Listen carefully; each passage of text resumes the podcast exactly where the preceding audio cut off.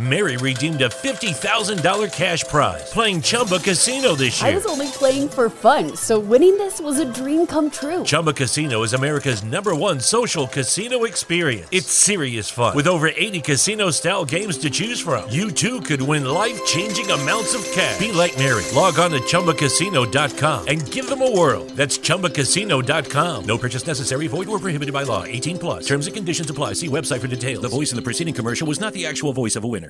Texting privacy policy and terms and conditions posted at textplan.us. Texting enrolls for recurring automated text marketing messages. Message and data rates may apply. Reply stop to opt out. The pandemic has been hard on all our kids. New studies show more than one in three children who started school in the pandemic now need intensive reading help. That's right, millions of kids in kindergarten through third grade in the United States cannot read at grade level. Here's the good news your child can be reading in just 30 days, guaranteed, with Hooked on Phonics. Even if your child has been struggling, Hooked on Phonics will teach your child to read in just 30 days, guaranteed. And right now, you can get started for just $1. Text the word grade to 323232 right now. Hooked on Phonics is highly effective and incredibly fun, and everything can be done right from home and in less than 20 minutes a day. For more than 30 years, Hooked on Phonics has been the proven learn to read program that kids love to use. Text grade to 323232 and teach your child to read in just 30 days, guaranteed. Text grade to 323232 right now and get started for just $1. Text grade to 323232 now. Text grade to 323232. Joanna Chmielewska, Skarby. Siedząc na wysokim kuchennym stołku z łokciami na stole i brodą wspartą na rękach, Janeczka z głębokim niesmakiem patrzyła na brata. Potępienie i nagana wyraźnie malowało się w jej wielkich niebieskich oczach i wzgardliwym grymasem wykrzywiały twarz. Pawełek przegrał zakład z całą klasą, kompromitując się straszliwie.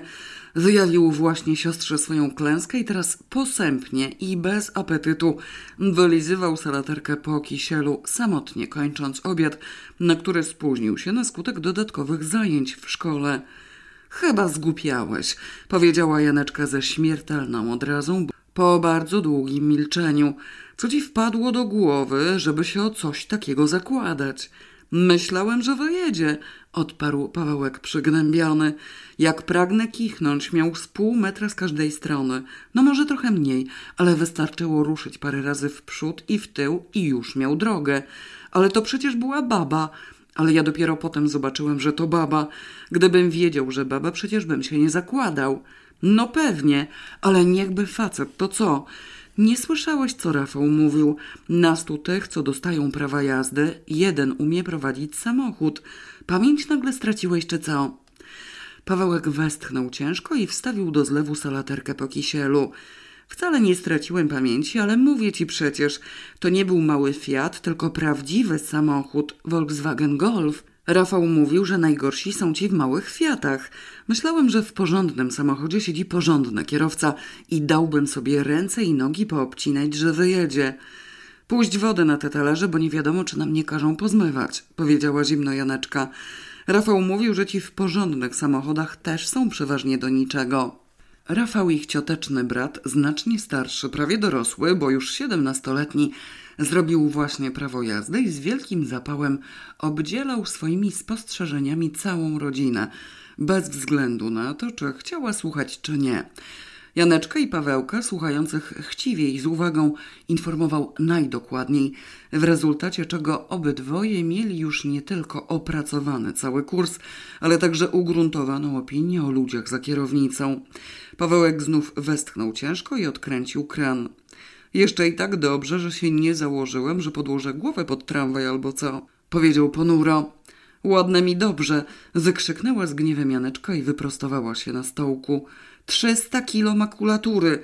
Naprawdę musiałeś mieć zaćmienie umysłu. Pawełek smętnie pokiwał głową. Po krótkim zastanowieniu zgodził się z opinią siostry. Zaćmienie umysłu dotknęło go niewątpliwie. Jak zupełny półgłówek założył się, że ten tam jakiś w Volkswagenie wyjedzie z ciasnego parkingu. Nie rozpoznał baby za kierownicą i pewien sukcesu zobowiązał się w razie przegranej dostarczyć sam jeden 300 kilo makulatury, ciążące nieznośnym brzemieniem na barkach całej klasy. I teraz trudno, przypadło. Honor mu nakazuje te przeklęte 300 kilo makulatury jakoś skombinować. Pomożesz mi? spytał z nadzieją. A co mam robić? odparła niechętnie Janeczka. Lepiej się od razu zastanówmy, skąd to weźmiemy, bo na gazetę z domu nie ma co liczyć. Dwóch kilo się nie uzbiera. Zastanawianie się dało mierne rezultaty. Pawełek proponował poszukiwania w jakichkolwiek instytucjach i urzędach, w słusznym może przekonaniu, iż wszelkie znajdujące się tam papiery są wyrzucane natychmiast po użyciu. Pełna wątpliwości Janeczka rozważała ewentualność pomocy dziadka, który miał liczne znajomości wszędzie tam, gdzie przychodziło mnóstwo listów. Dziadkowi chodzi o znaczki, ale to tym lepiej. Znaczki się wycina, a listy się wyrzuca. Z listów jest całkiem niezła makulatura. Na kiedy to ma być?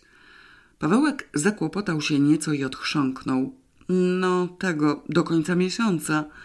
Janeczka popatrzyła na niego jakimś dziwnym wzrokiem, a potem spojrzała w okno. Mój brat zwariował, powiedziała melancholijnie do pożółkłych drzew w ogrodzie. Koniec miesiąca jest za 10 dni. To znaczy, że musimy donieść do szkoły 30 kilo dziennie razem z sobotą i niedzielą. O Boże!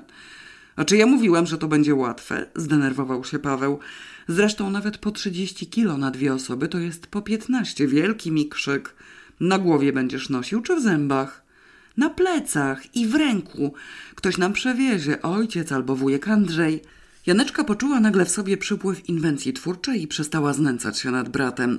Poprawiła się na stołku i znów oparła łokcie na stole i brodę na rękach. Rafał ma kumpla, tego Janusza podsunęła. Pomagał mu reperować tę jego ruinę. No właśnie, ucieszył się Pawełek. Janusz mu obiecał, że będzie mógł pojeździć. Dlatego w ogóle zrobił to prawo jazdy. Przewiezie nam. To już trzeci. Każdy przewiezie trochę. Żaden nie zobaczy wszystkiego i żaden się nie będzie czepiał.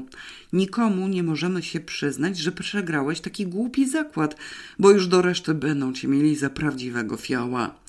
Nic nikomu nie powiem. Coś tam się wykręci. Powiem, że to dla całej klasy i nawet nie zełgam, bo to przecież święta prawda. Na co mnie samemu 300 kilo makulatury? Bardzo dobrze. Zaczynamy już dziś. 10 dni to okropnie mało czasu. W składnicy makulatury przy Alei Niepodległości odbywał się załadunek towaru. Na ogromną ciężarówkę stojącą przed sklepem ładowano wielkie paki zużytego papieru i wręcz nie było temu końca. Paki zapchały już całe pudło i zaczynały tworzyć piramidę, a ludzie ze składnicy wynosili wciąż nowe i nowe. Janeczka i Pawełek przyglądali się temu z posępnym przygnębieniem. Po czterech dniach, kiedy według wyznaczonej normy powinni mieć już 120 kilo, zdobyli zaledwie 35. A i to tylko dzięki temu, że ojciec ze swojego biura przywiózł im 25 kg starych odbitek – Nikt inny, ani matka, ani ciotka Monika, ani mąż ciotki Moniki, wujek Andrzej, ani dziadek, ani babcia nie mógł im dostarczyć upragnionego towaru. Wszystkie instytucje bowiem same zbierały makulaturę i odsyłały ją do punktów skupu.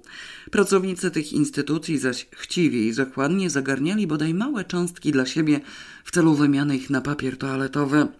Makulatura okazała się nagle materiałem bezcennym i pilnie poszukiwanym. 300 kilo w tak krótkim czasie było nie do zdobycia. Głęboko zaniepokojony zagrożeniem swojego honoru, Pawełek zaproponował, żeby spróbować właśnie w składnicy. Co spróbować nie sprecyzował i Janeczka w pierwszej chwili posądziła brata o chęć kradzieży. Kradzież makulatury w składnicy makulatury nie wydała jej się wielkim przestępstwem. Skradziona makulatura miała bowiem rychło wrócić do składnicy.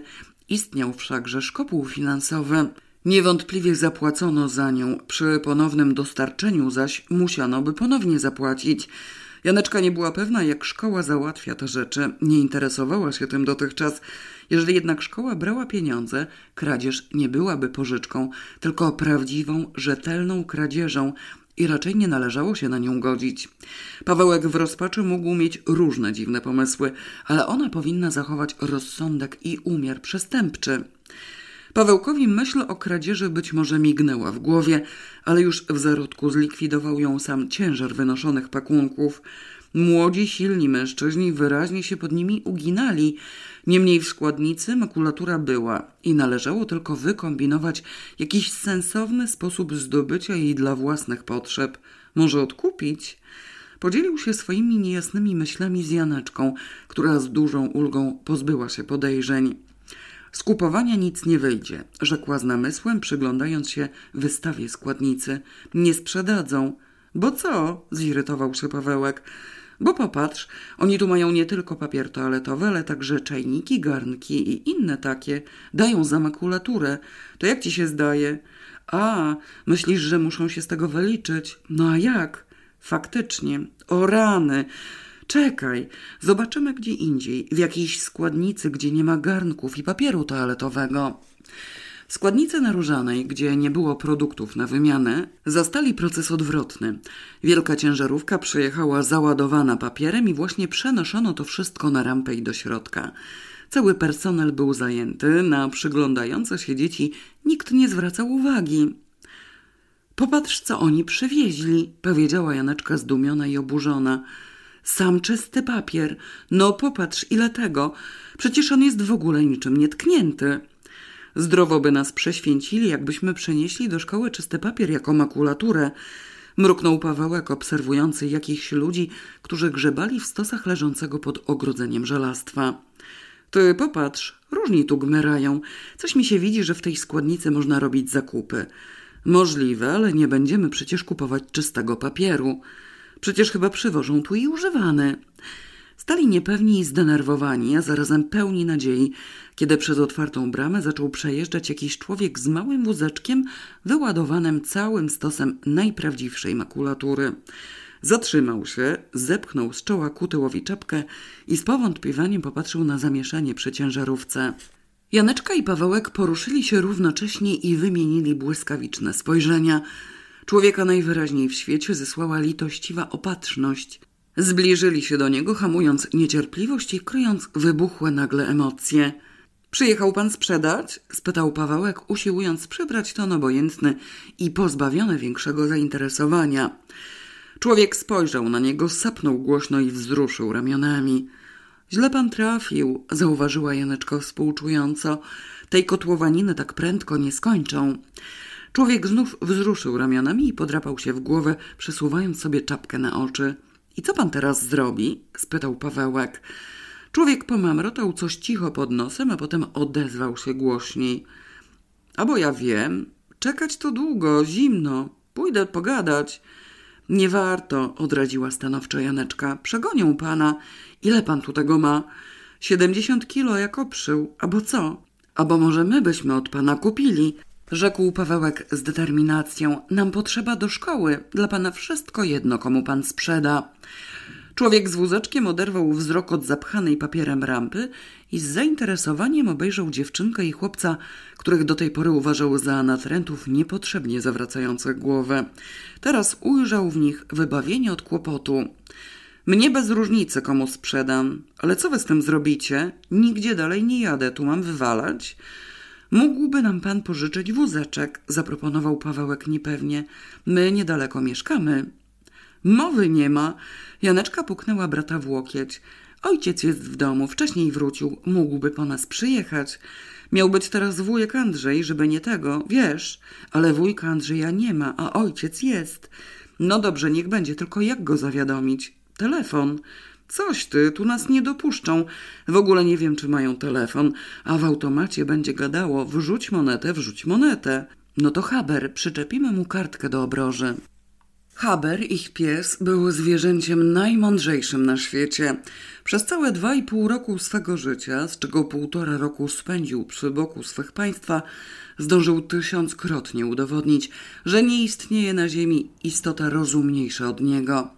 Obiegł już i obwąchał całą składnicę, a teraz siedział spokojnie przy bramie i czekał dalszych wydarzeń.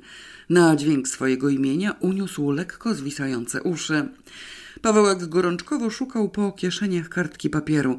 Janeczka popatrzyła na niego z politowaniem, popukała się w czoło, podeszła do ciężarówki i bez najmniejszego wahania oderwała strzępek od zwisających z niej czystych arkuszy. Pawełek radośnie kiwnął głową, znalazł długopis i pośpiesznie napisał na strzępku kilka zdań. Nie za obroże, mogą nie zauważyć, ostrzegł, lepiej do pyska.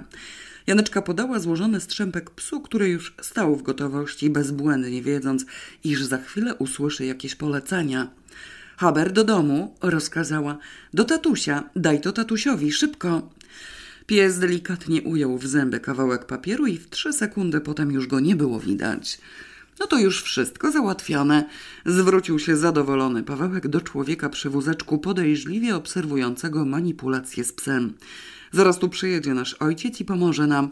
Chce pan to wyładować na chodnik, czy może pan poczekać? Mogę poczekać, zdecydował człowiek z godnością. Siedemdziesiąt kilo, uczciwie. Pan Roman Chabrowicz obracał się właśnie przed dużym lustrem w holu, przemierzając sweter, któremu brakowało rękawów i kołnierza, a które wspólnym wysiłkiem robiły mu na drutach jego żona, pani Krystyna i jego siostra ciotka Monika. Sprzeczkę na temat rodzaju zapięcia na zamek błyskawiczny czy na guziki przerwało drapanie do drzwi i szczęknięcie klamki. To Haber, powiedział pan Roman. Otwórzcie mu, ja wolę zamek błyskawiczny. Sam sobie otworzy, odparła pani Krystyna i w tym momencie pies wpadł do holu. Skoczył do pana Romana i oparł mu na swetrze zabłocone łapy. O Boże, jęknęła ciotka Monika. Haber, wytrzyj nogi. Zdaje się, że nasze dzieci przysłały list. Powiedział równocześnie pan Roman i wyjął karteczkę z psiego pyska. Pani Krystyna niespokojnie rzuciła okiem na psa, który międlił i wałkował sukno pod drzwiami, posłusznie usiłując wytrzeć łapy. Nie okazywał żadnego zdenerwowania, uspokoiła się zatem natychmiast. Pan Roman odczytywał karteczkę. No, już? zapytał. Mnie się ten sweter bardzo podoba. Mogę zdjąć? Muszę jechać po dzieci. Przecież nic się nie stało, powiedziała pani Krystyna, znów spoglądając na psa. Nic, ale zdobyli makulaturę dla szkoły i muszę im przewieźć. Blisko są, zaraz wrócę. Zaczynam mieć dosyć tych dziwnych wymagań szkoły, mruknęła niechętnie pani Krystyna, zdejmując z męża niedokończony sweter. Makulatura i makulatura, istny obłęd. Ile tego ma być? Daj mi jakieś opakowanie, przerwał pan Roman. Dzieci piszą, że to jest w proszku, jakąś torbę, worek albo co. Zanim zaopatrzony w liczne plastikowe torby ojciec zdążył przyjechać, Paweł ubił interes z człowiekiem z wózeczkiem. Człowiek zajmował się zbieraniem makulatury zawodowo i obiecał cały plan najbliższych dni dostarczyć im do domu zamiast na różaną. Rzeczywiście było mu wszystko jedno, kto od niego kupi zdobyty towar, a miał przynajmniej pewność, że w prywatnym domu nie natknie się na żadne przyjęcie towaru i zamknięcie składu. Okropny stos papieru został zwalony w holu pod schodami i zagrodził całe przejście do schodów piwniczych.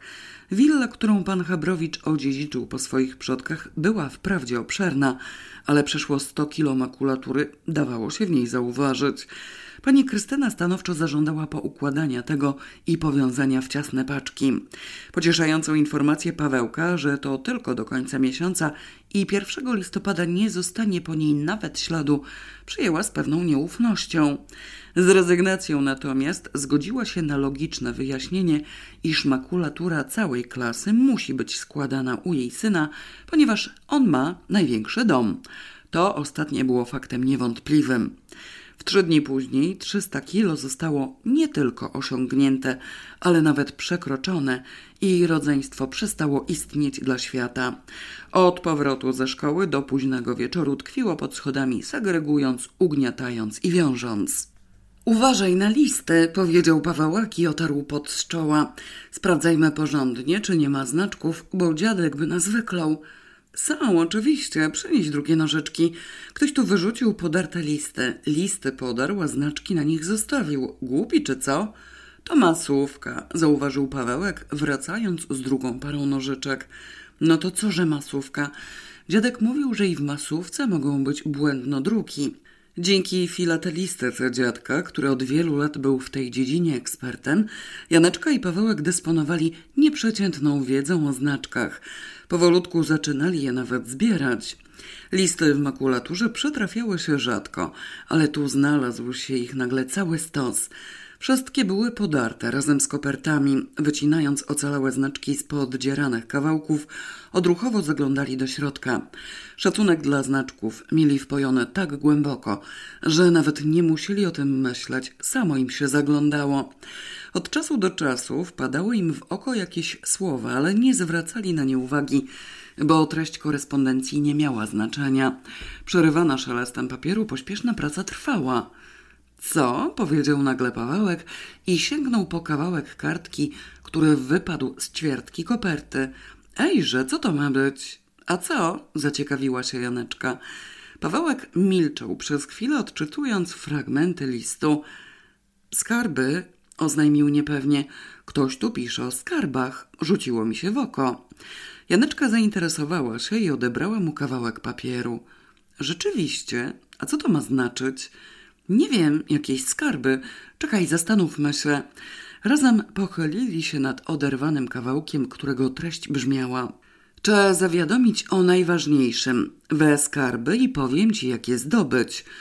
Suku w Magdi, potem pojedziesz do Su. Prost fenomenalny, wręcz nie do wiary. Przez wąwóz małp, bo inaczej nie zdo. Jest po lewej stronie drogi na zaporę. Neprawdopodobne, wręcz cuda. Dziel jest ten kamieniołom czy kopalnia żwi. Czegoś podobnego nie możesz sobie na odwalić bez wielkiego wysiłku wy. Tam znajdziesz także te ta, to są bezcenne że. Przez długą chwilę rodzeństwo wpatrywało się w kartkę, a potem pytająco popatrzyło na siebie.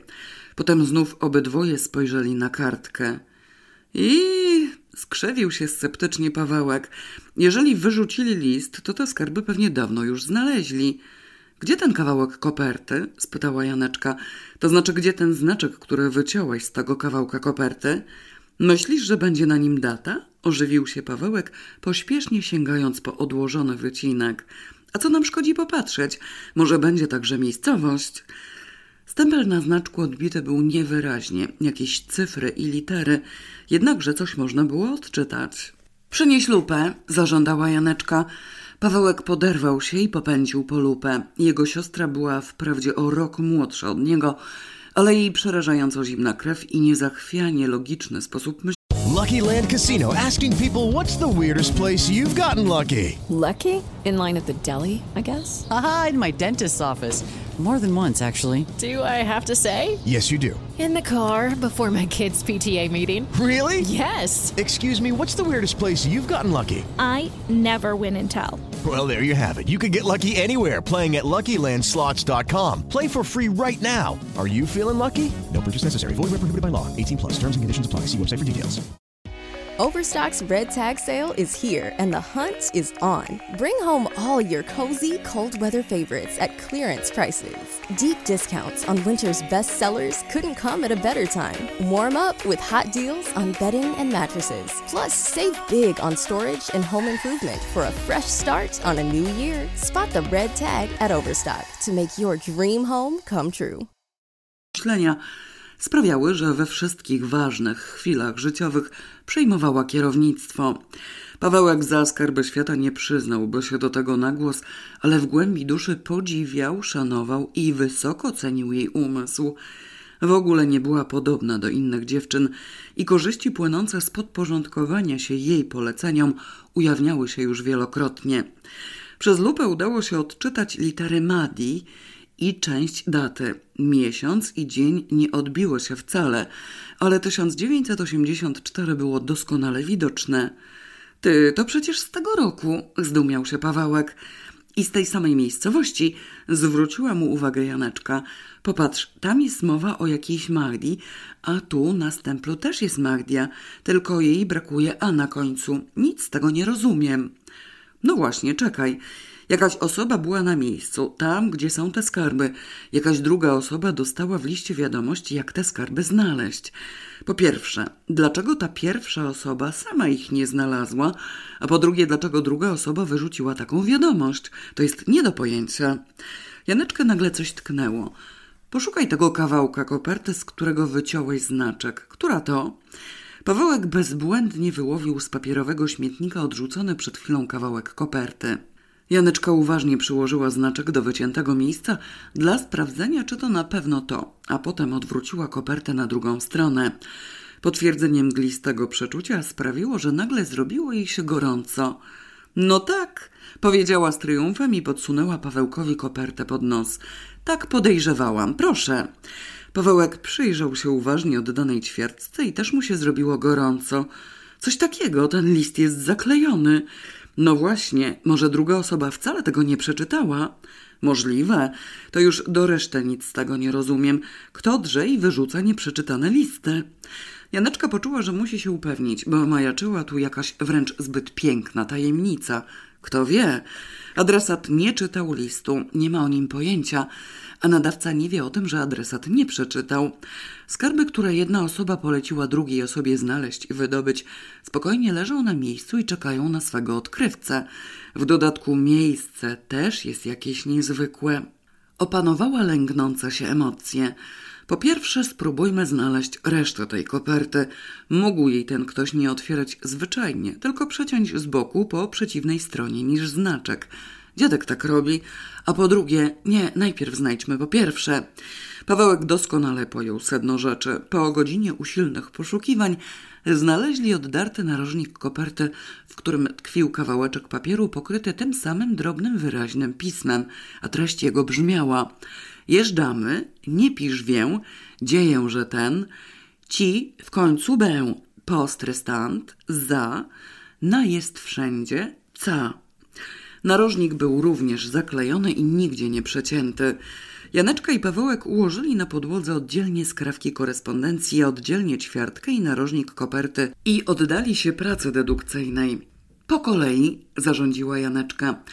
Po pierwsze, ten list jest dziwny. Jeżeli ta kartka była złożona, to gdzie jest druga połowa? Nie było żadnej drugiej połowy, odparł Pawełek stanowczo. Sam to wyjąłem, było pojedyncze. Ten ktoś napisał list na połowie kartki i nic nie musiał składać. Poza tym ona jest sztywna. No owszem, tak wygląda. Bardzo krótki list. Po drugie, to są dwa przeciwległe narożniki. Niemożliwe jest przeciąć list tak, żeby na tych dwóch rogach nie było nic widać.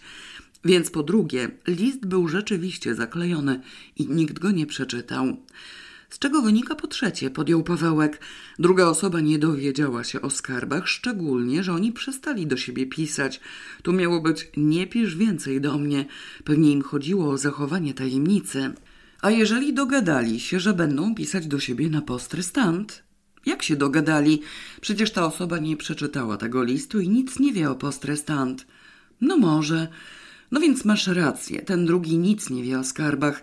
List jest z tego roku. Nawet jeżeli pogubili się na początku, możliwe, że jeszcze nic nie zdążyli zrobić. Po czwarte pogubili się na pewno, zawyrokował Pawełek z zapałem. Popatrz tu, jeżdżamy. Niby co to ma być? Powinno być wyjeżdżamy, nie? Może być jeszcze przejeżdżamy. E, tam przyjeżdżamy. Jakby przyjeżdżali, to by nie pisał o skarbach, tylko powiedział osobiście. I niepotrzebne by mu było postrestant. No dobrze, zgadzam się. Po czwarte pogubili się. Tamten wyjechał i nie pisze. Ten pisze, bo nie wie, że ma nie pisać. Ale tamten wyjechał, więc nie dostaje listów. Pisze na postrestant, ale ten nie odbiera, bo nic o tym nie wie. W dodatku długo spokojnie czekali, bo wiadomo, że zagraniczny list może iść nawet trzy miesiące. No więc po piąte, czekaj, to ja mam po piąte. Po piąte, dlatego on nie mógł wydostać tych skarbów. Wyjechał i nie zdążył. Pawełek z wielką energią zaczął na zmianę kiwać i kręcić głową. Nie tak, to znaczy tak, ale nie zupełnie. Zobacz, co tam jest napisane. Coś trzeba odwalić i do tego jeszcze jakiś kamieniołom. On zwyczajnie nie dał rady. Możliwe, że potrzebne mu było jakieś narzędzia albo co. Nie zdążył sobie tego zorganizować, bo musiał wyjechać. Może być, zgodziła się Janeczka, na jedno wychodzi, ale to już należy do drugiego etapu, a nawet nie do trzeciego. Jakiego etapu? Musimy się nad tym zastanawiać etapami, bo to nie jest prosta sprawa. Pierwszy etap mamy już z głowy. Skarby leżą nienaruszone, bo ci dwaj nie mogą się ze sobą dogadać. Drugi etap. Co drugi etap? Spytał po chwili Pawełek, nieco zniecierpliwiony, bo jego siostra nagle zamilkła. Janeczka ze zmarszczonymi brwiami wpatrywała się w wycinek ze znaczkiem. Ujęła lupę i jeszcze raz przyjrzała się niewyraźnemu odbiciu stempla – Robaczki oznajmiła wreszcie z satysfakcją. Pawełek łypnął okiem podejrzliwie i odebrał jej lupę i znaczek. Obejrzał go z wielką uwagą. Na połowie stempla niewyraźnie widoczne było coś, co wyglądało jak drobniutki ornament. Pawełek wydał okrzyk uznania. Ha, rzeczywiście, pismo robaczkowe. No więc to jest właśnie drugi etap, rzekła Janeczka pełna emocji. Musimy odgadnąć, gdzie to jest, bo ta Magdia sama z siebie nic nam nie daje. Jak to nic nie daje? Mnóstwo daje. Robaczki są arabskie, nie? No arabskie, no i co z tego? Może być Syria, może być Irak, Liban, Iran. Mam ci wymieniać wszystkie arabskie kraje? I jeszcze ci od petrodolarów, przyznał zakłopotany Pawełek, drapiąc się w głowę. Masz rację, niezły kawałek świata. Może się teraz przyda na co ten twój fioł geograficzny. Ujął kartkę, obejrzał jeszcze raz i odwrócił na drugą stronę. Ty, coś tu jest, popatrz, jakiś rysunek. Po drugiej stronie oddanej ćwiartki znajdował się istotnie rysunek przypominający fragment mapki. Tuż przy rozdarciu widniało kółko, które mogło oznaczać miejscowość.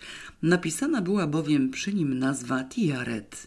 Od kółka odchodziły wijące się wężyki. Przy jednym z nich narysowana była kropka i znów nazwa Magdia.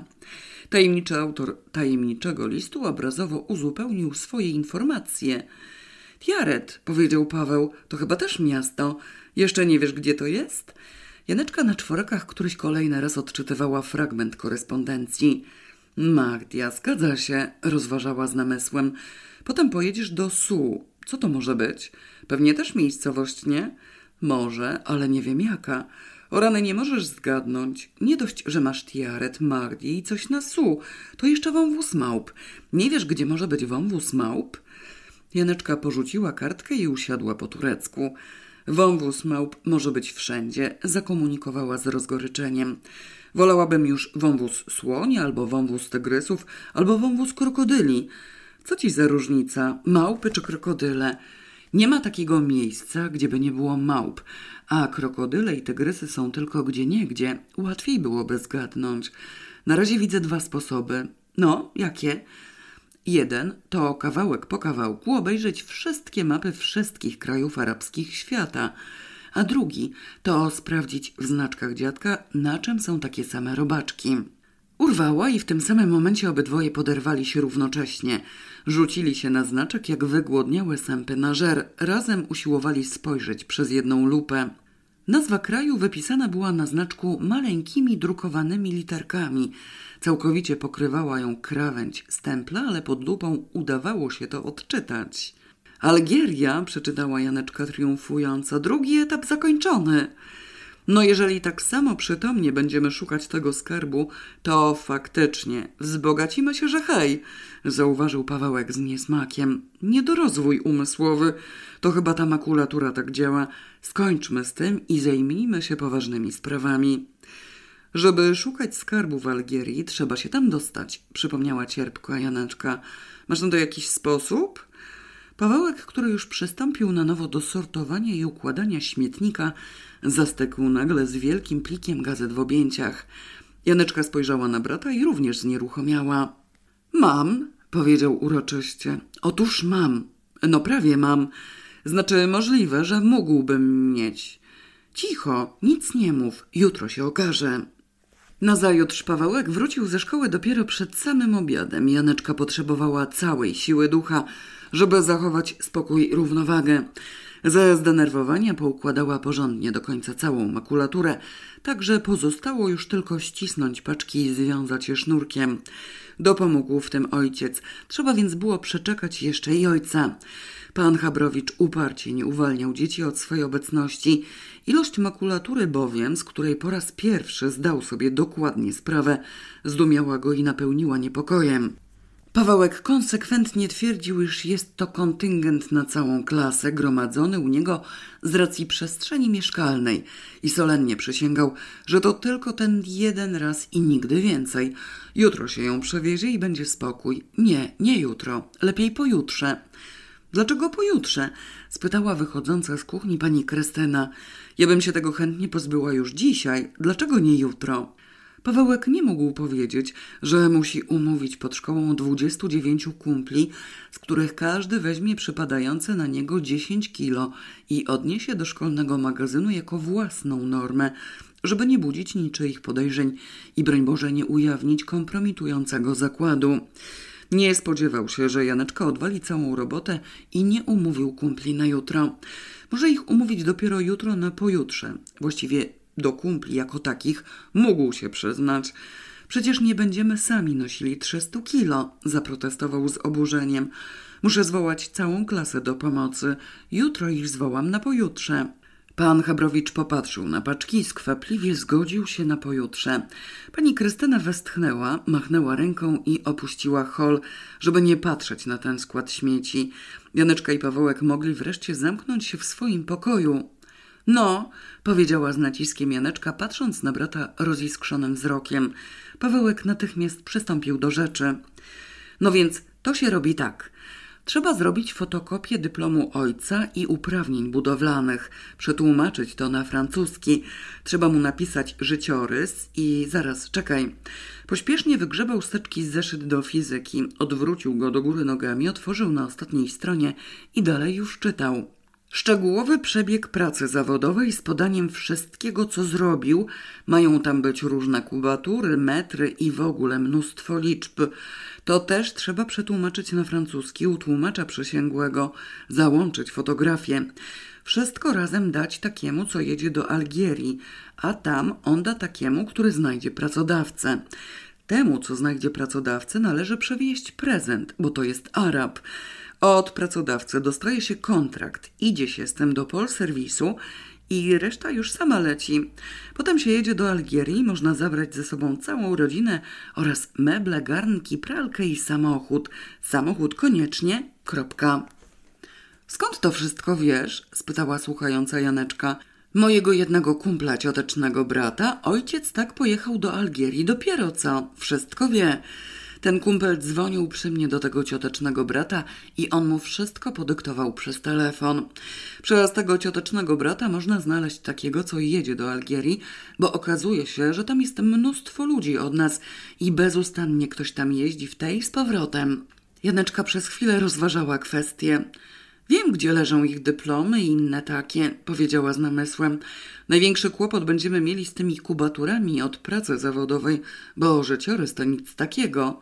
Jak to? zdziwił się Pawełek. Janeczka zdziwiła się jego zdziwieniem. No jak to? Przecież musimy to wszystko napisać, nie? Jak to?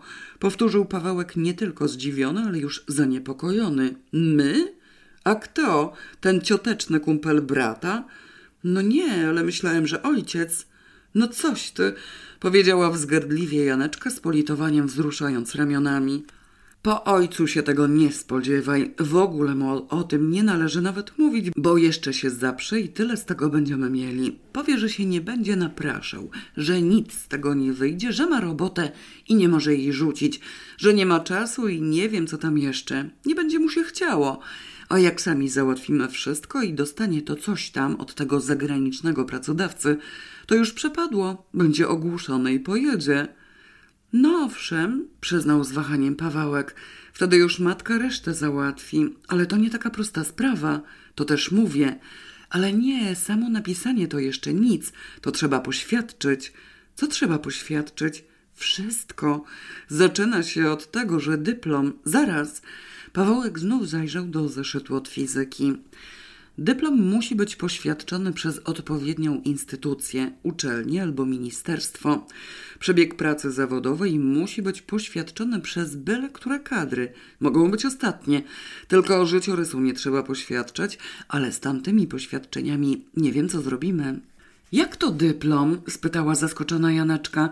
Bez poświadczenia ojca dyplom jest nieważny, przecież ma go od tysiąca lat. U nas ważny, a do tłumaczenia nie. Czekaj, bo ten cioteczny brat wszystko mi powiedział przez telefon, ale jednak okazuje się, że różni tacy kupowali sobie dyplomy na bazarze, dawali do tłumaczenia i już mieli gotowe. No więc wyszło takie zarządzenie dla tłumaczy, że nie wolno im tłumaczyć niczego bez pieczęci, że to prawdziwe, a nie kupione na bazarze. Podobno w różnych miejscach są specjalne komórki do tego poświadczenia Siedzi gdzieś tam taka osoba, przynosi się jej dyplom, ona wali pieczęci po krzyku, ale przecież musi sprawdzić, czy to prawdziwy. Wcale nie sprawdza. Oni uważają, że nikt z fałszywym dyplomem do poświadczenia nie przyjdzie, więc jeżeli ktoś przychodzi, na pewno ma prawdziwy. Ktoś musi iść z tym dyplomem. Ktoś dorosły, bo jeżeli sami pójdziemy, będzie podejrzane, stwierdziła zmartwiona Janeczka. Chociaż czekaj, mam pomysł. No, Ty się dowiedz, gdzie jest ta komórka od dyplomu ojca, a ja ci powiem, co zrobimy.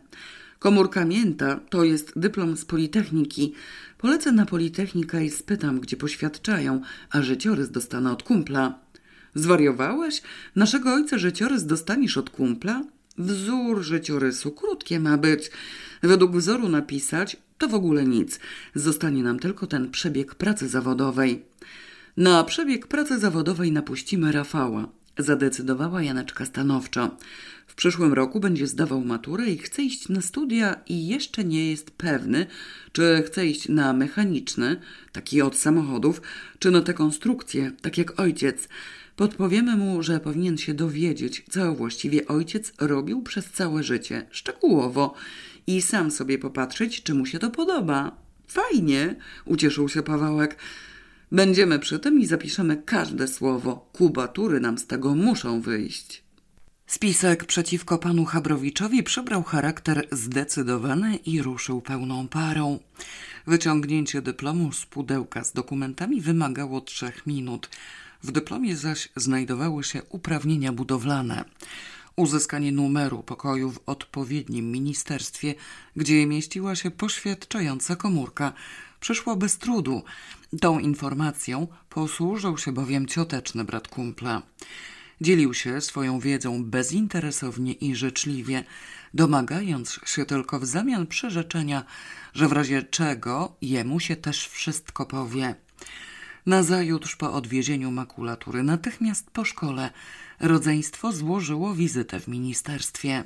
Urzędująca w komórce pani była przypadkowo osobą miłą, uczynną, a co najważniejsze inteligentną. Należała do nielicznej grupy urzędników mających pojęcie o tym, co robi. Zdziwiła się nieco, widząc wkraczające do pokoju dwoje dzieci w wieku dwunastu lub trzynastu lat, ale spokojnie czekała, co będzie dalej.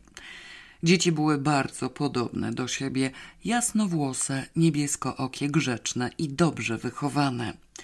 Wytłuszczyły cel przybycia, po czym nie dopuszczając do żadnej reakcji, kontynuowały wyjaśnienia.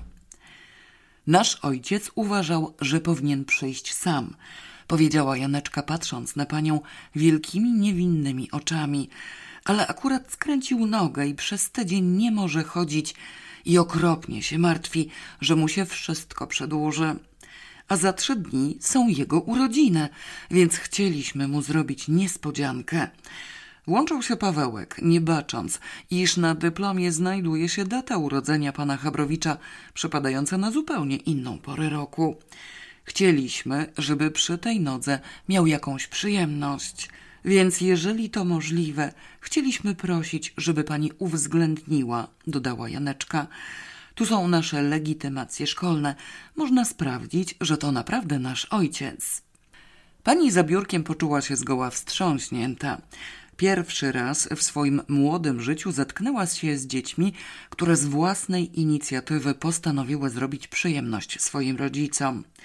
Dla tak niezwykłych dzieci gotowa była uczynić wszystko, szczególnie iż prawdopodobieństwo posłu Mary redeemed a $50,000 cash prize playing Chumba Casino this year. I was only playing for fun, so winning this was a dream come true. Chumba Casino is America's number one social casino experience. It's serious fun. With over 80 casino style games to choose from, you too could win life changing amounts of cash. Be like Mary. Log on to chumbacasino.com and give them a whirl. That's chumbacasino.com. No purchase necessary, void or prohibited by law. 18 plus. Terms and conditions apply. See website for details. The voice in the preceding commercial was not the actual voice of a winner. Overstock's red tag sale is here and the hunt is on. Bring home all your cozy, cold weather favorites at clearance prices. Deep discounts on winter's best sellers couldn't come at a better time. Warm up with hot deals on bedding and mattresses. Plus, save big on storage and home improvement for a fresh start on a new year. Spot the red tag at Overstock to make your dream home come true. Ugiwania się przez nie fałszywym dyplomem było znikome. Wzruszona niezmiernie, na datę urodzenia nawet nie spojrzała. Wypadek wyjątkowy, ale uwzględnie, powiedziała z uczuciem. Tylko musicie kupić znaczek skarbowy za 100 złotych. Trzeba go będzie przylepić na poświadczeniu. Na całe szczęście Janeczka i Pawełek razem dysponowali taką sumą.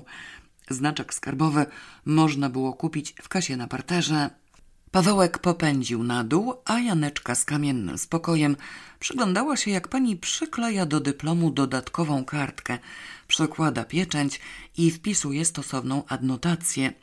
Pawełek wrócił, znaczek przylepiono. Pani z sympatią pożegnała niezwykłe dzieci. Uf, spociłem się, powiedział Pawełek już na ulicy. Nie było czego, prychnęła wzgardliwie Janeczka. Już jak ja mam pomysł, to możesz być spokojny. E, tam nie o to chodzi, ale jak leciałem po schodach, przypomniałem sobie, że na tym dyplomie jest data urodzenia, a ja powiedziałem, że są jego urodziny. Bardzo dobrze wiedziałam, że się wygłupiłeś i tylko patrzyłam, czy spojrzy. Powiedziałabym, że to wcale nie urodziny, tylko imieniny, bo nasz ojciec ma na drugie imię Felix i obchodzi imieniny na Feliksa. Zwariowałaś? Przecież ojciec ma na drugie imię Paweł. No to co? Ale szóstego jest Feliksa. Sprawdziłam w kalendarzu. Mógłby mieć na drugie Felix. Masz ten wzór życiorysu? Pewnie, że mam. Życiorys odwalimy zaraz dzisiaj, a potem trzeba zaagitować Rafała. Życiorys według wzoru rzeczywiście był krótki i prosty. Należało w nim podać imię, nazwisko, adres, wiek, zawód i stan rodzinny, a następnie, nie wdając się w perypetie dzieciństwa, rozpocząć od ukończenia studiów. Podać wszystkie kolejne miejsca pracy, zajmowane stanowiska, rodzaje zajęć i skończyć na chwili obecnej. Niektóre punkty wzoru budziły wątpliwości. Tu jest napisane w 1972 roku delegowany do Pernambuco na stanowisko i tak dalej, powiedziała Janeczka. To co? To jest przykład, pouczył Pawełek. Był ojciec delegowany do Pernambuco? Nie był, pomijamy. A może to zrobi złe wrażenie, że nie był? To co na to poradzisz? Przecież nie napiszemy, że był. Ale wyjdzie nam ten życiorys okropnie krótki. Wszystkiego raptem dwa miejsca pracy. Może mu coś dołożyć gdzieś tam w środku? No niby można, ale musielibyśmy w tym przebiegu pracy zawodowej napisać, co robił. Co mógł robić? Kontrola, zaproponowała Janeczka. Oddelegowany na kontrolę czegoś tam gdzieś. Na kontrolę. No nieźle na kontrolę, na kontrolę. O, dokumentacji. Oddelegowane. A gdzie? Do NRD? E, tam. Do NRD to wszyscy jeżdżą. I trzeba by jakieś nazwy napisać po niemiecku. To do Anglii. Po angielsku umiemy napisać. Oddelegowane do Wielkiej Brytanii na kontrolę dokumentacji yy, konkursowej. Głowę daje, że jakieś konkursy w tej Wielkiej Brytanii robili. A kto tam za tym trafi? I obejdzie się bez nazw. Tylko kiedy? Czekaj, nie wiemy, kiedy ojciec zmienił pracę. W dowodzie osobistym ma stemple. Bardzo dobrze. Jak odwiesi marynarkę i pójdzie do łazienki, obejrzymy jego dowód osobisty. I na wszelki wypadek legitymację służbową. Na początku tej obecnej pracy będzie oddelegowany do Wielkiej Brytanii. Na ile? Na dwa miesiące? Lepiej na trzy, równy kwartał. Doskonale, to nawet lepsze niż Pernambuco. Ale czekaj, przecież ojciec był w Danii. Rzeczywiście, i to nawet dwa razy. Czekaj, kiedy to było? Trzy lata temu był ten drugi raz, a pierwszy wcześniej. Co tam robił? Zdaje się, że był na jakimś zjeździe. Zjazd do bani to żadna robota. Z tych dwóch wyjazdów zrobimy mu jeden, ale za to dłuższy. I niech to też będzie kontrola. Albo może współpraca. Współpraca, zróbmy jakieś urozmaicenie. Dobra, współpraca, ale przy czym? Nie wiem, coś się dopasuje po Rafale. Wstawimy mu to w środek tej obecnej pracy. No to właściwie wszystko mamy. Aha, jeszcze tu trzeba napisać, czy umie po francusku. Zdaje się, że nie umie ani słowa. Umie po angielsku i po niemiecku. No nie szkodzi, ale nie możemy napisać, że nie umie, bo to też zrobi złe wrażenie. Nie napiszemy perfekt w mowie i w piśmie, bo to chyba przesada. Czekaj. Znajomość francuskiego średnia, podsunęła Janeczka. Średnie znaczy przeciętna. Większość ludzi nie umie po francusku, więc ojciec mieści się w normie, znaczy jest średni.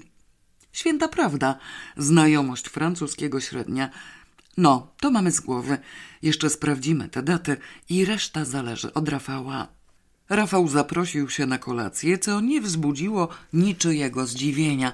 Pani Krystyna bowiem, chcąc wypróbować nowy robot kuchenny, przyrządziła deser w postaci biszkoptu z kremem. Wujek, puść farbę, poprosił już przy pierwszej porcji. Powiedz coś o tym, co robiłeś po studiach. Ożeniłem się, mruknął pan Roman. Nie, ja mam na myśli pracę zawodową. Nie jesteś osamotniony. Andrzeja też pomaltretuje. Raz chciałbym wiedzieć z detalami, co się robi po lądówce, a co po mechanice. Co robiłeś na początek? Co ja robiłem na początek? Zamyślił się pan Roman. Pojęcia nie mam, w ogóle tego nie pamiętam. A nie, czekaj, pamiętam. Przeliczałem fundamenty pod nowe maszyny, świeżo sprowadzone.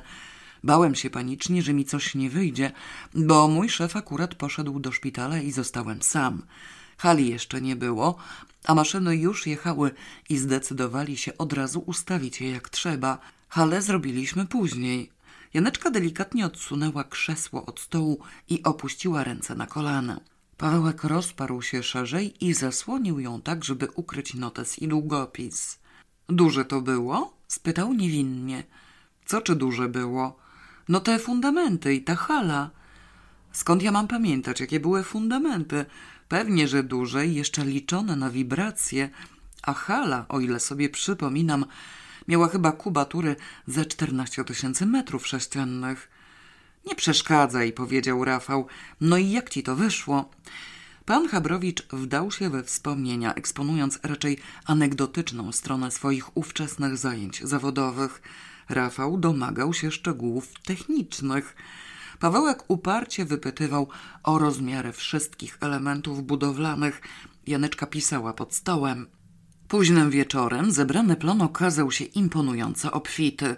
Trochę kłopotów sprawiły daty, bo pan Roman niedokładnie je pamiętał, ale te kwestie Janeczka i Pawełek uznali za mało ważną. Całe trzy dni zajęła im produkcja dokumentu, po większej części wypełniona liczbami.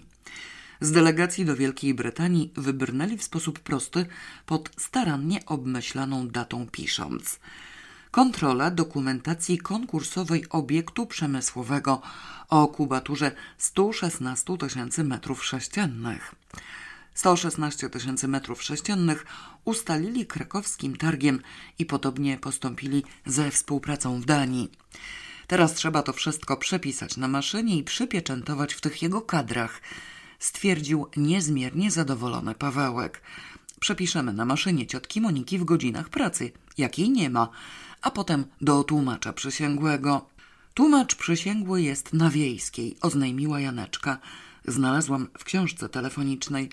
Nie wiem, ile to kosztuje, ale zdaje się, że drogo. Będziemy mieli kłopoty. Pawełek zafresował się nieco. I jeszcze wszystko musi być w trzech egzemplarzach. Po co w trzech? Nie wiem. Kumpel tak powiedział. Co najmniej w trzech egzemplarzach. O rany, faktycznie. Skąd my weźmiemy na to pieniądze? Najpierw musimy się dowiedzieć, ile potrzeba, a potem się zastanowimy, skąd weźmiemy. Ty tam pójdziesz, czy ja? A po co chodzić? Zapytam tego ciotecznego brata. On na pewno wie. Kadry przeszły bezboleśnie. Wystarczyła jedna wizyta w miejscu pracy ojca i krótki pobyt we właściwym pokoju pod pozorem czekania na niego. Ale koszt tłumacza przysięgłego omal nie zniweczył całej imprezy. Miał wynosić, jak się okazało, 5800 zł i była to suma całkowicie przekraczająca możliwości rodzeństwa. Zdobycie jej w czasie krótszym niż rok wydawało się niemożliwe. Mam sześć złotych oszczędności, powiedziała melancholijnie Janeczka. Miałam więcej, ale poszło na makulaturę. Ja mam czterysta, westchnął Pawełek. Razem tysiąc. Ta makulatura nas wykończyła. Brakuje jeszcze cztery osiemset. Skąd to wyszarpać? Moglibyśmy dostać od rodziny, ale spytają o co chodzi. Nie możemy nikomu powiedzieć. Beznadziejna sprawa. Może postać w jakimś ogonku i odstąpić swoje miejsce za tysiąc złotych? W dobrym ogonku mógłbyś dostać nawet i pięć tysięcy, ale od razu nas zabiorą do tej izby zatrzymań dla nieletnich, czy jak to tam się nazywa, a ojcu zrobią kolegium. Na nic. a jeszcze i za fotokopię trzeba zapłacić. Posępna troska zapanowała na całe pół dnia. Sprawa istotnie robiła wrażenie beznadziejnej. Sprzedaż przedmiotów użytkowych nie wchodziła w rachubę, bo sprzedawać musiałby ktoś dorosły. Nagłe wygranie w totolotka nie wydało się prawdopodobne. Żadnych prac, za które ktoś chciałby zapłacić, nie było na horyzoncie. Kradzież z wielkim żalem wykluczono z góry. Wieczorem na Pawełka spłynęło natchnienie. Wiem, oznajmił z ożywieniem. Pożyczyć. Od kogo? Skrzywiła się Janeczka. Od wszystkich, od całej klasy. Ty też. U nas jest 42 sztuki. Niech będzie 40. Po 50 zł od głowy to jest 2000. U ciebie też dwa, a potem im się odda stopniowo. Brakuje jeszcze 800. Pozbieramy butelki w całym domu i ze 300 się uszarpie a 500 zł pożyczę dodatkowo od jednego kumpla, który ma potworną ilość pieniędzy. Ojciec mu daje ile chce.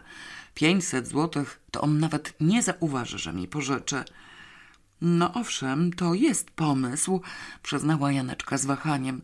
Możemy spróbować, ale zaczęłabym od butelek, bo nie wiem jak to pójdzie. Za zgromadzone w piwnicy butelki i słoiki udało się uzyskać nawet 400 złotych. Obie klasy, wbrew obawom, nie stawiały oporu, ponieważ Pawełek po honorowym wybrnięciu z 300 kg makulatury cieszył się wielkim uznaniem i szacunkiem, a bogaty kumpel wyasygnował nawet tysiąc złotych, lekceważąco wzruszając ramionami. Trwało to wprawdzie całe następne trzy dni, ale suma dla tłumacza została zdobyta. Wystarczyło nawet na fotokopię. Po tygodniu Pawełek odebrał z wiejskiej wspaniałe dossier swego ojca i natychmiast zadzwonił do ciotecznego brata kumpla.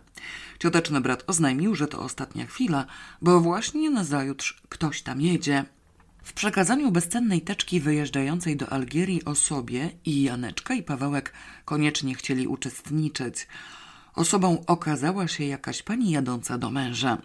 Cioteczny brat krzywił się wprawdzie mocno, twierdząc, iż komuś, kto wyjeżdża na zajutrz rano, nie należy wieczorem zawracać głowy, ale molestowany natrętnie ustąpił i zabrał ich ze sobą.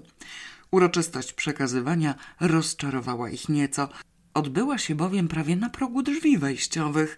Nawet nie weszli w głąb przedpokoju.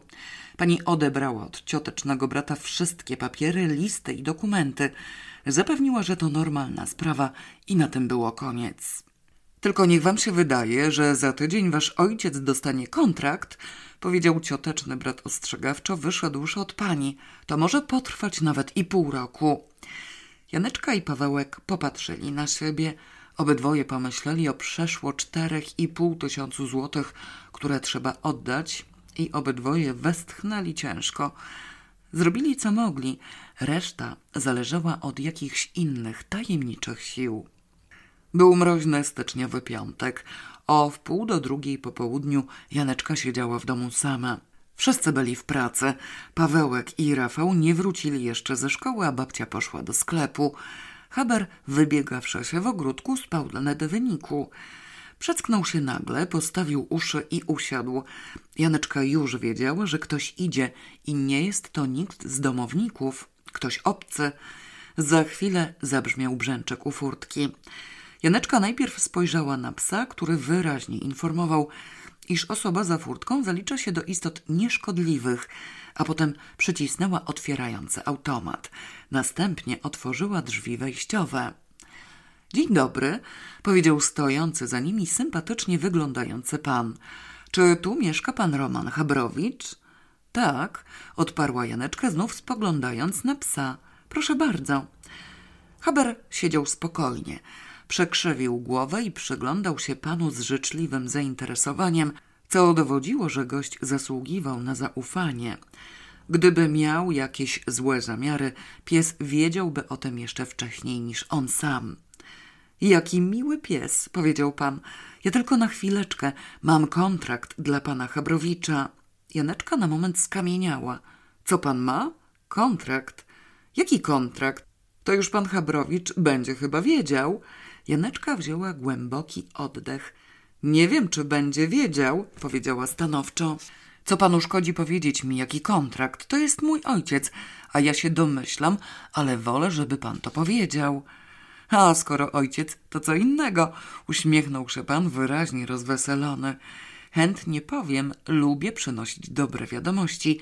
Kontrakt do Algierii. Sam go przywiozłem, wczoraj wieczorem przyleciałem. Akurat miałem być w tej okolicy, więc wydawało mi się, że nie ma sensu wysyłać tego pocztą. Czy mogłabyś powtórzyć swojemu ojcu, że sprawa jest bardzo pilna? Najpóźniej 15 marca powinien podjąć pracę. Kopię musi podpisać i odesłać.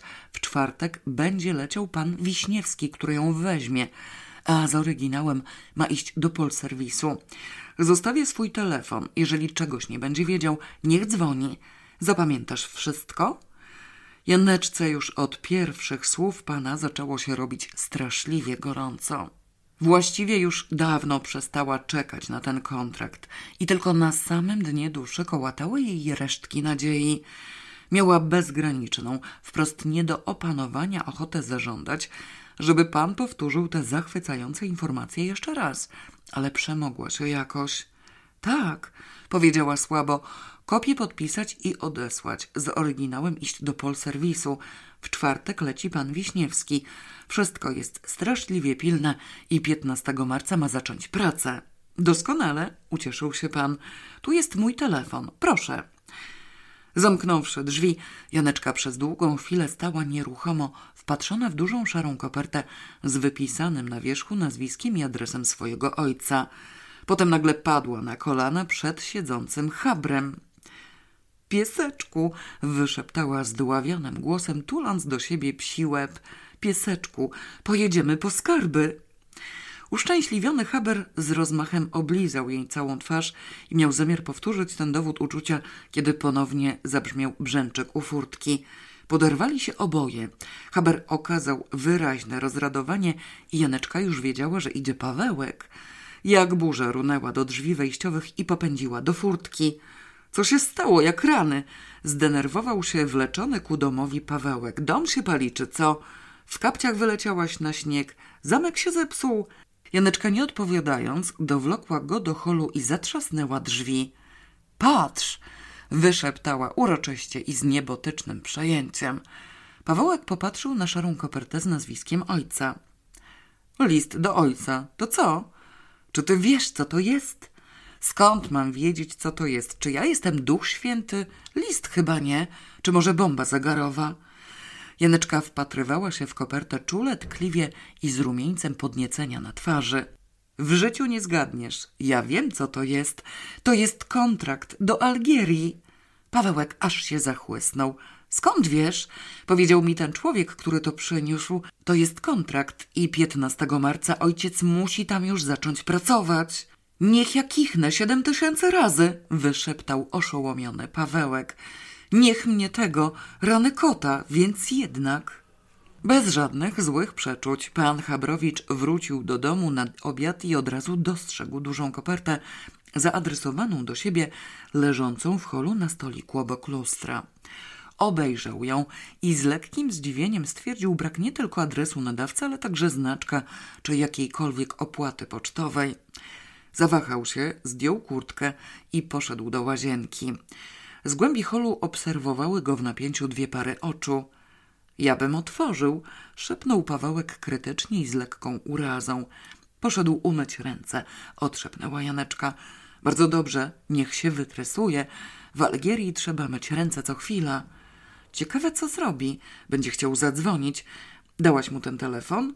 Coś, ty głupi. Od razu by powiedział, że to pomyłka i wszystko by zepsuł. Telefon dam mu na końcu. No, o rany, niech już przeczyta. Pan Chabrowicz wyszedł z łazienki i wziął do ręki kopertę. Obejrzał ją jeszcze raz, wszedł do pokoju, gdzie na przygotowanym do obiadu stole leżały nakrycia. Wybrał sobie jeden z noży i rozciął ją. Wyjął ze środka papiery złożone na pół, rozchylił i zaczął czytać. Dzieci przyglądały mu się z holu, wstrzymując oddech. Na twarzy czytającego pana Romana odmalowało się najpierw zaskoczenie, a potem śmiertelne zdumienie.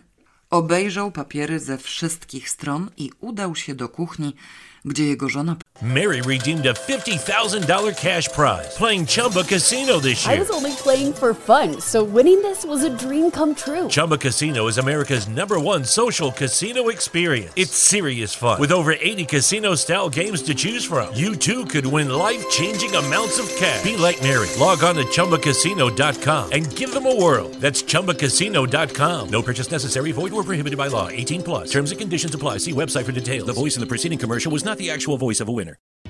Overstock's red tag sale is here and the hunt is on. Bring home all your cozy, cold weather favorites at clearance prices. Deep discounts on winter's best sellers couldn't come at a better time. Warm up with hot deals on bedding and mattresses. Plus, save big on storage and home improvement for a fresh start on a new year. Spot the red tag at Overstock to make your dream home come true.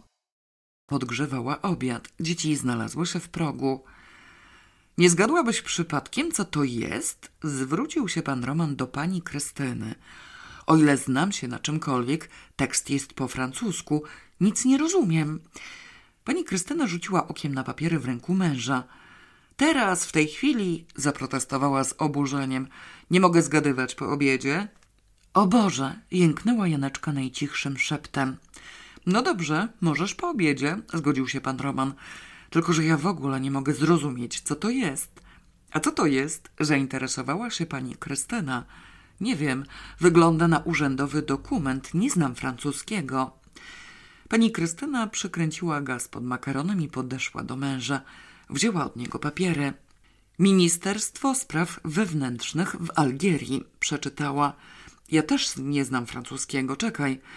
Przedsiębiorstwo Budownictwa i Konstrukcji angażuje monsieur Romana Chabrowicz okres dwa lata w Tiaret. Przewidziana garza wynosi 8500 DA. Nie wiem, co to jest DA. Prosimy o potwierdzenie proponowanych warunków. Nie, nie tak. Prosimy o zgodę na proponowane warunki. No, akceptację. Zapewnia się mieszkanie umeblowane. Co to jest? Pan Roman patrzył na żonę osłupiałym wzrokiem. Proszę cię, przeczytaj to jeszcze raz. Może ci przynieść słownik? Owszem, słownik się przyda, może ja źle tłumaczę. Ministerstwo, to pewne, Przedsiębiorstwo Budownictwa i Konstrukcji angażuje pana Roman Chabrowicz. Co to może? A, na stanowisko specjalisty. Firma Etau w Tiaret. Okres dwa lata. 8500 DA nie ulega wątpliwości. No nie, wszystko rozumiem. To jest kontrakt dwuletni angażujący do tej jakiejś firmy Etau w Tiaret w Algierii i dają mieszkanie umeblowane. Co to ma znaczyć? Skąd to masz? Leżało na stoliczku przy lustrze. Odparł oszołomiony pan Roman. Jakiś głupi dowcip? Ale nie, tu jest pieczęć, jakiś podpis. Wygląda na prawdziwy engagement i data 9 styczeń, ale to sprzed tygodnia. No to wyjaśnię sprawę, uspokoił się nagle pan Roman. Głupi dowcip. Oczywiście, w ciągu tygodnia w żaden sposób nie zdążyłby dojść z Algierii. Ktoś sobie zrobił w styczniu prima aprilis. Panią Krystynę tknęło nagle podejrzenie. Spojrzała w kierunku dzieci. Dzieci, skąd się to wzięło? Co wy o tym wiecie? To nie jest żaden głupi dowcip, powiedziała Janeczka z wielką energią. Wcale nie szło pocztą. Przyniósł to jeden pan, który wczoraj wieczorem przyleciał z Algierii. Haber mówił, że porządny i sympatyczny. Powiedział, że to bardzo pilne. 15 marca masz już zacząć pracę w tej firmie. Co takiego? Pilne. Zostałeś przyjęty do pracy w Algierii. Jeden egzemplarz masz podpisać i odesłać natychmiast kopię, a z drugim masz iść do polserwisu i wszystko załatwić. Tak ten pan powiedział. Na miłosierdzie pańskie, wyszeptał pan Chabrowicz martwym głosem. Makaron kipiał, zupa bulgotała, buchając kłębami pary. Zraziki w gęstym sosie zaczęły przywierać do dna garnka. Pani Krystyna po raz trzeci w skupieniu odczytywała dokument. Pawełek oderwał się od drzwi i po chwili wrócił ze słownikiem francuskim. Pan Roman blady i śmiertelnie, przerażony wzrokiem wzywającym pomocy, patrzył na żonę. Co to jest DA? spytała pani Krystyna surowo.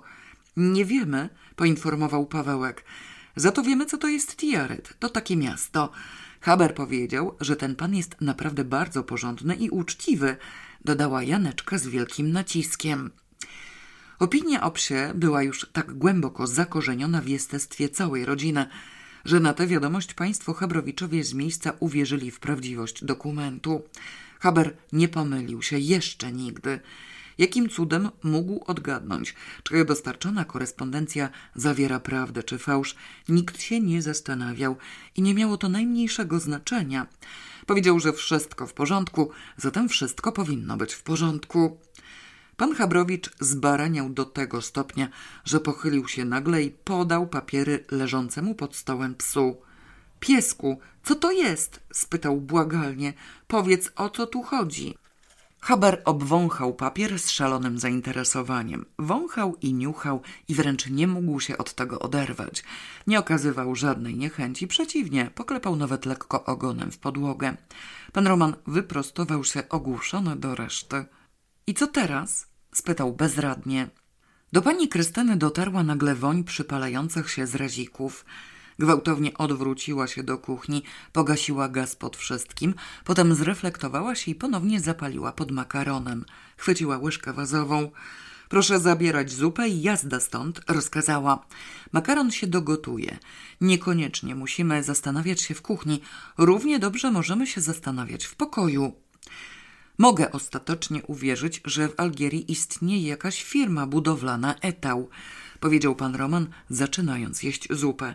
Mogę przyjąć, że chcą sobie zaangażować konstruktora z Polski, zapłacić mu pensję i dać mieszkanie służbowe. Są to rzeczy mniej więcej normalne. Tylko skąd, na litość boską, wytrzasnęli mnie? I co właściwie powinienem teraz zrobić? Iść do algierskiej ambasady i zapytać, o co tu chodzi, zarządziła pani Krystyna.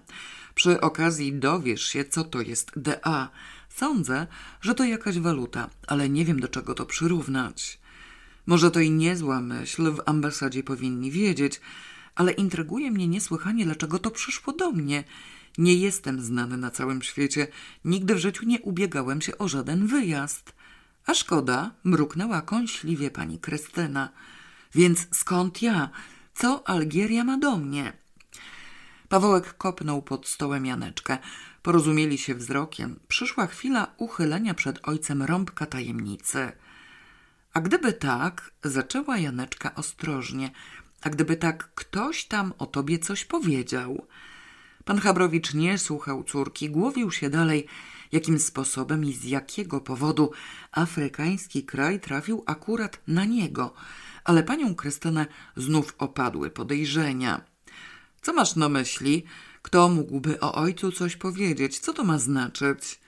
Tam podobno jest pełno różnych od nas, wtrącił się Pawełek. Może jest kto znajomy i kogoś tam namówił, żeby wzięli ojca do pracy. Może nawet napisał podanie, podsunęła Janeczka. Podejrzenia pani Krystyny zdecydowanie wzrosły. Cicho bądź, powiedziała do męża. Coś mi się widzi, że nasze dzieci więcej wiedzą na ten temat niż nam się wydaje.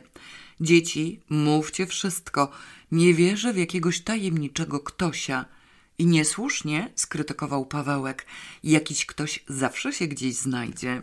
No więc dobrze, zgodziła się nagle Janeczka. Powiemy prawdę, trudno. Ciągle narzekacie, że są same trudności, więc chcieliśmy wam pomóc. A wszyscy mówią, że taka praca w obcym kraju to nadzwyczajna rzecz, no więc to podanie myśmy napisali. Pani Krystyna nie uwierzyła własnym uszom. Pan Roman popatrzył na syna i córkę niemal ze zgrozą. Napisaliśmy podanie, życiorys i inne tam takie. Włączył się Pawełek z zuchwałą determinacją. Zrobiliśmy fotokopię twojego dyplomu i wysłaliśmy to do Algierii. Baliśmy się trochę, że masz mało zasług i nie przyjmą cię do tej pracy, ale okazuje się, że cię przyjęli, kontynuowała Janeczka. Teraz masz pozałatwiać różne rzeczy i jechać, i to szybko. Najlepiej zacznij od jutra. Algieria ma bardzo dobry klimat, przy brzegu śródziemnomorski, a od pustyni odgradzają góry Atlas. Nie ma dzikich zwierząt i w ogóle jest tam bardzo przyjemnie. Nie powiesz przecież, że nie pojedziesz, dołożył jeszcze z naganą Pawełek. Taka okazja przetrawia się raz na tysiąc lat. Sama ci weszła w ręce. Nie możesz tego zmarnować, bo masz żonę i dzieci. Po niezmiernie długiej chwili rodzice odzyskali głos, a dodatkowo pan Roman odzyskał dech utracony na skutek zakrztuszenia się zupą. Wszystkie wyjaśnienia dzieci musiały powtórzyć trzykrotnie, po czym okazało się, że makaron w kuchni rozgotował się na papkę.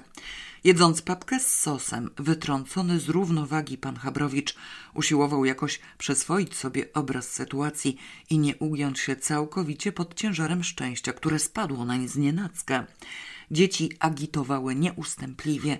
Pani Krystyna odezwała się po długim zamyśleniu. Co do wykorzystywania okazji, nie ma dwóch zdań. Oznajmiła tonem niedopuszczającym sprzeciwu. Co do pozostałych szczegółów, musisz się wszystkiego dowiedzieć, najlepiej od kogoś, kto też to załatwiał. Ten ktoś, kto to przyniósł. Zwróciła się nagle do Janeczki. Mówiłaś, że on przyjechał z Algierii, tak? Jak to? Ty naprawdę chcesz, żebym ja tam pojechał? Przeraził się pan Roman. A ty nie chcesz? Ależ moja droga, to jest zupełnie obcy kraj. Co ja mam tam robić? Tam jest francuski. Jednego słowa nie znam po francusku.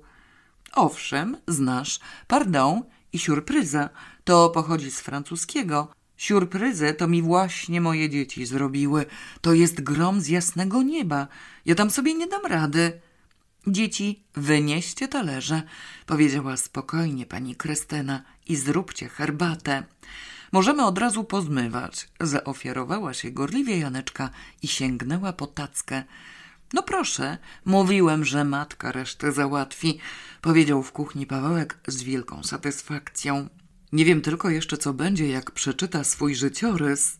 Ten numer telefonu dam mu dopiero, jak się zdecyduje, że jedzie, oznajmiła Janeczka, odkręcając gorącą wodę. Właściwie trzeba było z tym panem więcej porozmawiać i w ogóle nie wiem, czy nie lepiej, żebyśmy sami zebrali wszystkie wiadomości. Możliwe, że czegoś tam nie należy mu mówić. Nic z tego, nie popuści. Pojechać pojedzie, ale przedtem już się uprze dowiadywać osobiście. Tiaret, rzekła Janeczka w zadumie i chlupnęła na talerze wielką porcję Ludwika. Popatrz, to wręcz cud. Ta Algieria w gruncie rzeczy jest bardzo duża i mogliśmy się znaleźć w całkiem innym końcu. Tego to już się naprawdę nie spodziewałam. Słuchaj, ale my też będziemy musieli nauczyć się po francusku. No i cóż takiego? Francuski dla ludzi. Kiedy po niezwykle dokładnym pozmywaniu i wytarciu wszystkich naczyń i nawet garnków wnieśli do pokoju herbatę, pan Chabrowicz był już całkowicie zdecydowany zaakceptować kontrakt. Rozpogodził się nawet i jakby nabrał otuchy. Janeczka przyjrzała mu się bystrze i przystąpiła do realizacji dalszego ciągu programu. Wcale nie musisz latać do żadnej ambasady, oznajmiła, ustawiając szklanki na stole. Ten pan powiedział, że jakbyś czegoś nie wiedział, możesz do niego zadzwonić. Zostawił swój telefon. Gdzie ten telefon? Janeczka wycofała się do holu, wyjęła z szufladki stolika wizytówkę i wręczyła ją ojcu. Seweryn Zwijek, przeczytał pan Roman, magister inżynier budownictwa lądowego, to samo co ja. Zerwał się z krzesła i rzucił się do telefonu. Najbliższe osoby otoczyły go ciasnym kręgiem, usiłując również wepchnąć uszy w słuchawkę. Pani Krystyna podpowiadała pytania. Tak, powiedział pan Roman. Rozumiem, rzeczywiście. Co pan powie w tej samej instytucji? To doskonale. Tak? Zaraz, chwileczkę. Coś do pisania. Wysyczał straszliwym szeptem w kierunku rodziny, co sprawiło, że jego żona i dzieci rozpieszło się w różnych kierunkach, przewracając krzesła i zrzucając na podłogę rozmaite przedmioty. Tak, już piszę, powiedział do słuchawki, dając znak pani Krystynie zaopatrzonej wreszcie w kawałek papieru i długopis. Wiśniewski, numer telefonu, dwuletni urlop z miejsca pracy, zgodę dyrekcji. Proszę, sporządzić listę mienia przesiedleńczego. Tak, rozumiem, rozumiem.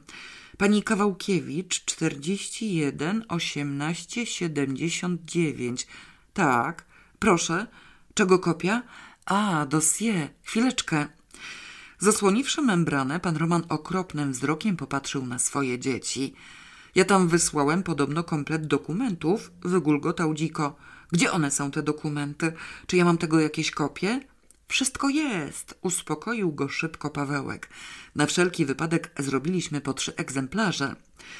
Pan Roman wrócił do słuchawki. Pani Krystyna usiłowała zapisać nie tylko to, co jej dyktował, ale także wszystkie zasłyszane słowa. Przez chwilę jej mąż słuchał, nic nie mówiąc, rozpromienił się nawet wyraźnie. Potem znów twarz mu zmierzchła i złym spojrzeniem obrzucił żonę. Konduktorska osiem, mieszkania jedenaście, powiedział dobitnie. Pani Modlińska. Tak, dziękuję bardzo. Pan pozwoli, że w razie czego jeszcze zadzwonię. Odłożywszy w końcu słuchawkę, pan Roman długą chwilę siedział w milczeniu, oddychając głęboko, a najbliższa rodzina patrzyła w niego jak w cudowny, ale nieco irytujący obraz. No, pogoniła niecierpliwie pani Krystyna. Mów teraz to wszystko, co on ci powiedział. Pan Roman odetchnął jeszcze raz.